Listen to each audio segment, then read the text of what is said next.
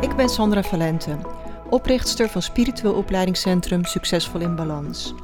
Als je graag persoonlijk en spiritueel wilt groeien, dan ben je hier precies aan het juiste adres. Ik deel al mijn kennis en lessen met jou in deze podcast, op Instagram onder Sandra Valente en via de cursussen en opleidingen in het opleidingscentrum van Succesvol in Balans.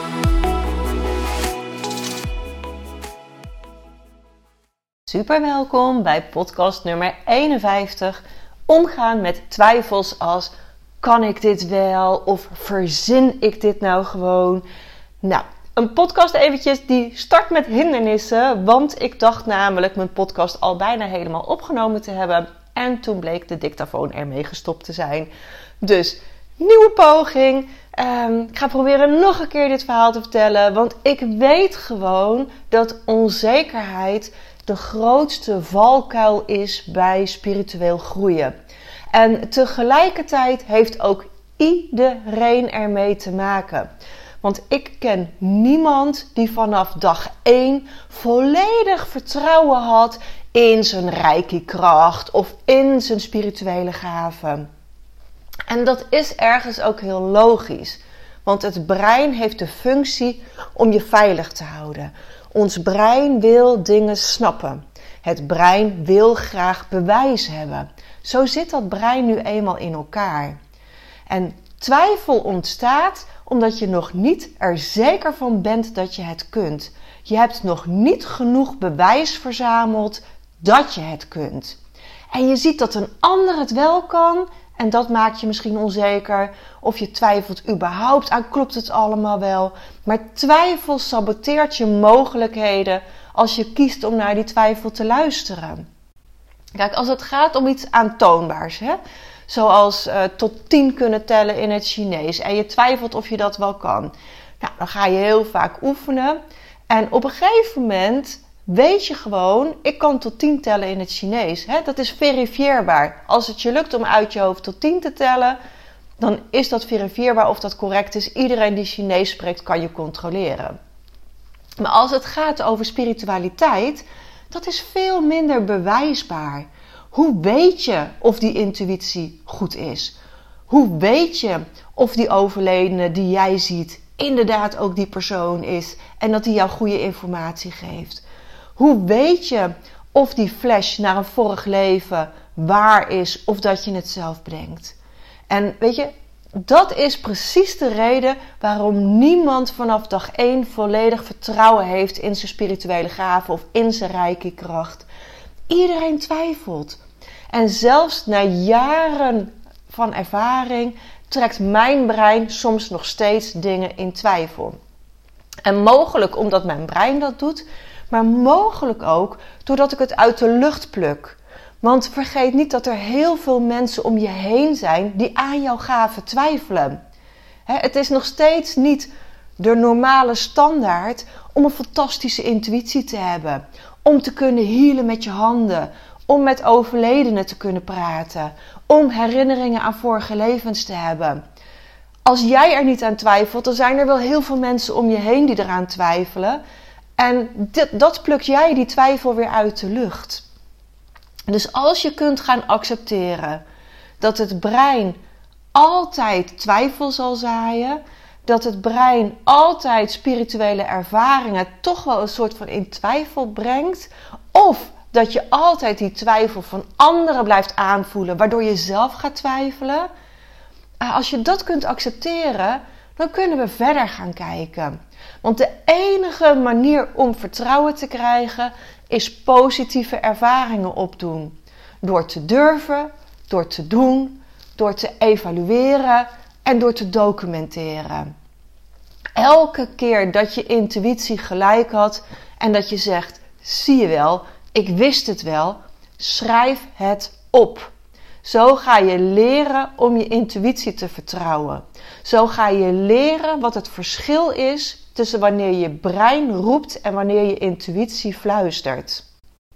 Of elke keer dat je jezelf of iemand anders rijke hebt gegeven en er is een positieve verandering, schrijf het op. Ehm, want hoe meer positieve ervaringen je opschrijft, hoe meer je er zelf in gaat geloven.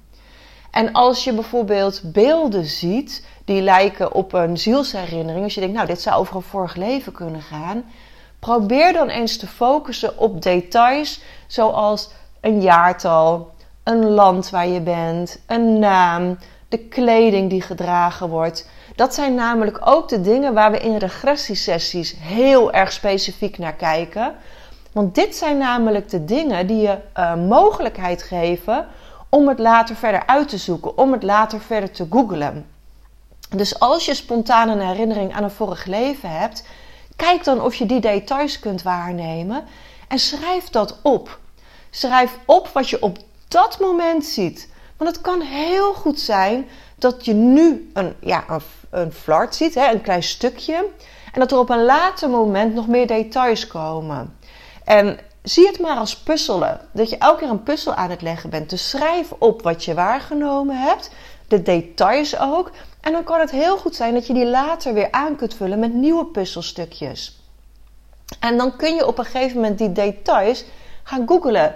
Want dat is dan je bewijs. ik was enig moment in een eh, regressie. En ik had zoiets, het voelt als in Rusland. Er werd gevraagd om een jaar. Ik kreeg 1921 door. En in die situatie was het zo dat ehm, ja, de geliefde die ik op dat moment had, die werd meegenomen om te vechten aan het front. En ik heb hem daarna nooit meer teruggezien.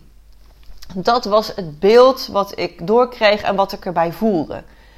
En ik wist echt oprecht niet dat er een oorlog was in 1921 in Rusland. En toen ik dat later ging googlen, bleek er inderdaad de Pools-Russische oorlog te zijn.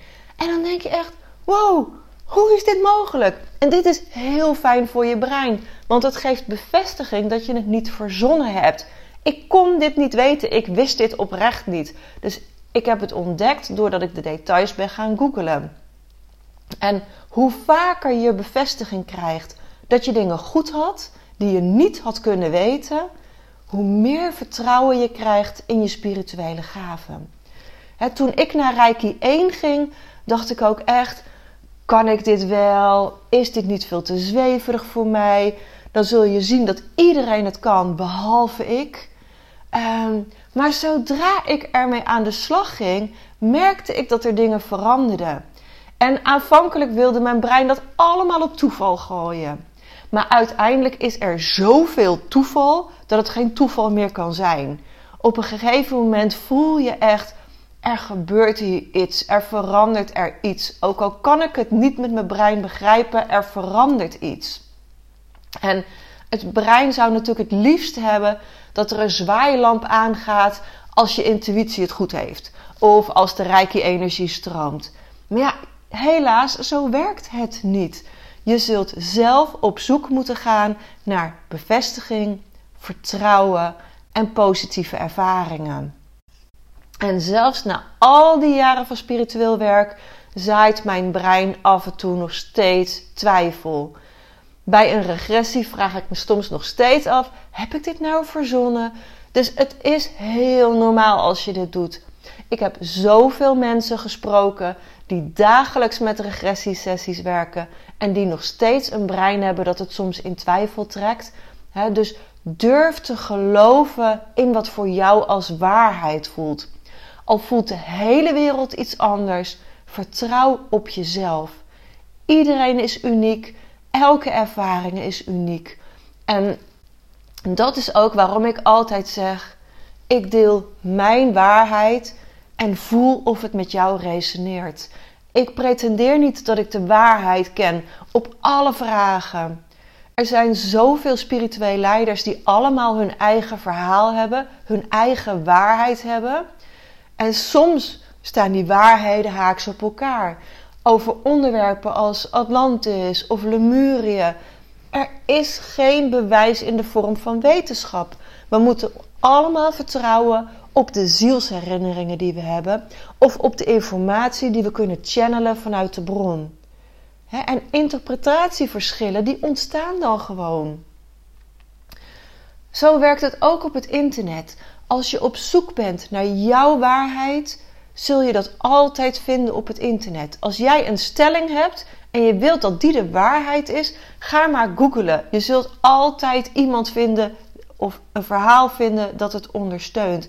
Er is zoveel informatie. Ehm, dus is het belangrijk dat je gaat voelen wat met je resoneert. En accepteer dat je op sommige dingen misschien nu gewoon geen antwoord zult krijgen. over heel veel dingen is ook wel overeenstemming. Er zijn zo ontzettend veel mensen met een bijna doodervaring. Of mensen die met overleden kunnen communiceren op aarde. en als ik een boodschap van iemand mag channelen met iets dat ik niet kan weten en het klopt tot in detail, dan kan iemand niet anders dan het aannemen. als ik iemand zijn ouder kan beschrijven in uiterlijk, dat kan ik niet weten. Of als ik bijvoorbeeld als detail doorkrijg dat iemand altijd in een schommelstoel zat. Ja, dat is een detail wat bij heel weinig mensen zal kloppen. Dus als ik dat zie en het klopt, uh, dan weet je gewoon van ja, dit, dit moet gewoon waar zijn. Ik heb ooit een specifieke broche van iemand kunnen beschrijven die iemand altijd droeg. Nou, dat is zo'n specifiek detail dat op zo weinig mensen van toepassing is. Dan kun je haast niet anders dan voelen: ja, dit moet gewoon waar zijn. En doordat ik het heb aangedurfd om dit soort dingen steeds te benoemen en te vragen of het klopt, ben ik gaan vertrouwen in mijn boodschappen. En dat ligt ook weer aan de manier waarop je het dan brengt. Als ik heel stellig zou zeggen: ik zie een uh, broche, ziet er sowieso uit van die persoon, weet je, dan laat ik geen ruimte. Maar op het moment dat ik zeg van goh, ehm, zou het misschien kunnen dat die persoon vaak een broche droeg? Ik, ik zie iets van een broche, dus kan je dat plaatsen? Dan laat je heel veel ruimte of ja of nee te zeggen en om verder te puzzelen. Want soms is het ook niet zo letterlijk wat je ziet. Um, soms laten ze je op een manier iets zien wat vertaald mag worden ik heb ooit een kistje gezien. Ehm, en er was inderdaad iets met een kistje. Maar het daadwerkelijke kistje zag er heel anders uit dan dat ik het zag. Waarom? Omdat het kistje zoals het daadwerkelijk was, zou ik niet als een kistje herkend hebben. Dus toen lieten ze mij een soort van schatkistje zien, wat ik wel duidelijk als een kistje kon herkennen. Dus doordat ik zei van goh, ik zie een kistje, is er iets met een kistje? Toen zei die andere ja. En daardoor konden we het verhaal verder gaan invullen. Dus hoe meer je je ervaringen deelt in de trant van: Goh, ik, ik merk iets met of ik zie iets met, zou het kunnen dat? Laat je heel veel ruimte om het in te gaan vullen. Om te kijken van hoe uh, kunnen we tot de juiste kern komen. En dat geeft ook veel meer kans op een positieve ervaring. Want als ik gezegd had, het moet per se een schatkist zijn, zou die ander het niet herkend hebben. Maar het was gewoon een kistje in het algemeen. Nou, um, dit is als je iets channelt voor een ander. Maar als het over onszelf gaat, vinden we het nog veel lastiger om erin te geloven. En dat komt omdat je dan ook nog emotioneel betrokken bent. als ik een boodschap aan een ander doorgeef, ja, daar ben ik niet emotioneel bij betrokken. Ik vind het niet erg als iemand iets niet herkent. Want soms herkent iemand op dat moment het niet. En zeggen ze: nee, nee, ik weet niet. En bellen ze mij de volgende dag op en zeggen ze: San, ik heb er nog eens over nagedacht. En ik denk dat ik nu weet waar je het over had. Weet je, dus dat ik op dat moment geen bevestiging krijg, vind ik helemaal niet erg. Ik ben daar niet emotioneel bij betrokken. Maar als het over jezelf gaat, ben je veel meer emotioneel betrokken en is het lastiger om bewijs te vinden. Dus daarom is het zo belangrijk om ervaringen op te schrijven. Zo help je jezelf positieve ervaringen te verzamelen elke keer dat je intuïtie het juist had. Elke keer dat je iets doorkreeg dat klopte. Elke keer dat Reiki helpt. dus ga verzamelen. Ik ben ook echt bij nul begonnen toen ik naar de Reiki 1 cursus ging had ik echt niet het uh, geloof dat ik het kon. Ik geloofde wel dat er meer was tussen hemel en aarde, maar mijn intuïtie moest schreeuwen om gehoord te worden. Ik kon echt niet praten met overledenen. Ik had geen herinneringen aan vorige levens. Ik ben echt bij nul begonnen. En bij mij is mijn spirituele reis begonnen bij Reiki 1. En ik heb daarna Reiki 2 gedaan en toen een energetische opleiding. En daarna nog heel veel spirituele cursussen en opleidingen. Want ik weet dat alles bijdraagt aan groei. Elke keer ontdek ik een nieuw puzzelstukje. En die legpuzzel wordt steeds duidelijker. Ik zie steeds beter het grote plaatje, mijn missie, mijn pad. En dat gun ik jou ook. Daarom heb ik die Reiki 1 thuisstudie ontwikkeld. En super tof nieuws. Reiki 2 staat vanaf deze week ook online. De Reiki 2 thuisstudie is klaar, staat online. Eerste bestellingen zijn al binnen. Super vet. Ehm, en Reiki 2 gaat heel erg over emotionele heling en groei. Die Reiki 2 cursus heeft bij mijzelf de grootste transformatie gemaakt. En ik weet dat dat voor iedereen anders is. Sommigen ervaren bij Reiki 1 de grootste verandering, sommigen bij Reiki 2. En alles is goed. Voor mij was het Reiki 2. Maar Reiki 1 en 2 horen bij elkaar. Ze vullen elkaar aan en ze zorgen samen voor heling en groei. En voor mij was dat de start van mijn spirituele reis. En daarom geef ik dit zo ontzettend graag door. Want ik weet hoeveel het voor mij veranderd heeft. En hoe ontzettend ik daarmee gegroeid ben op alle vlakken. Ehm, dus als je twijfelt, maar als je wel het verlangen voelt en je brein zei twijfel, wat heb je te verliezen? Wat als het je veel meer brengt dan dat je nu kan bedenken? Want serieus, ik had dit nooit kunnen bedenken dat ik zo ver zou komen, dat er zoveel moois zou ontstaan, dat er zoveel heling, zoveel groei, zoveel inzichten zouden komen. Dus ga positieve ervaringen verzamelen, want je brein zal altijd twijfel blijven zaaien. En dat is wat ik je vandaag mee wil geven. Ga positieve ervaringen verzamelen. En als je klaar bent voor meer, als je denkt: Wauw, ik wil ook verder groeien, ik wil ook die groei doormaken. Um, de Reiki 1 en 2 thuisstudie zijn nu allebei verkrijgbaar op mijn website.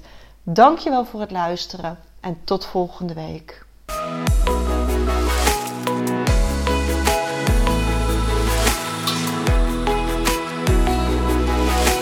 Als je meer wilt lezen over de cursussen en opleidingen die we in het Spiritueel Opleidingscentrum geven, ga dan naar www.succesvolinbalans.nl.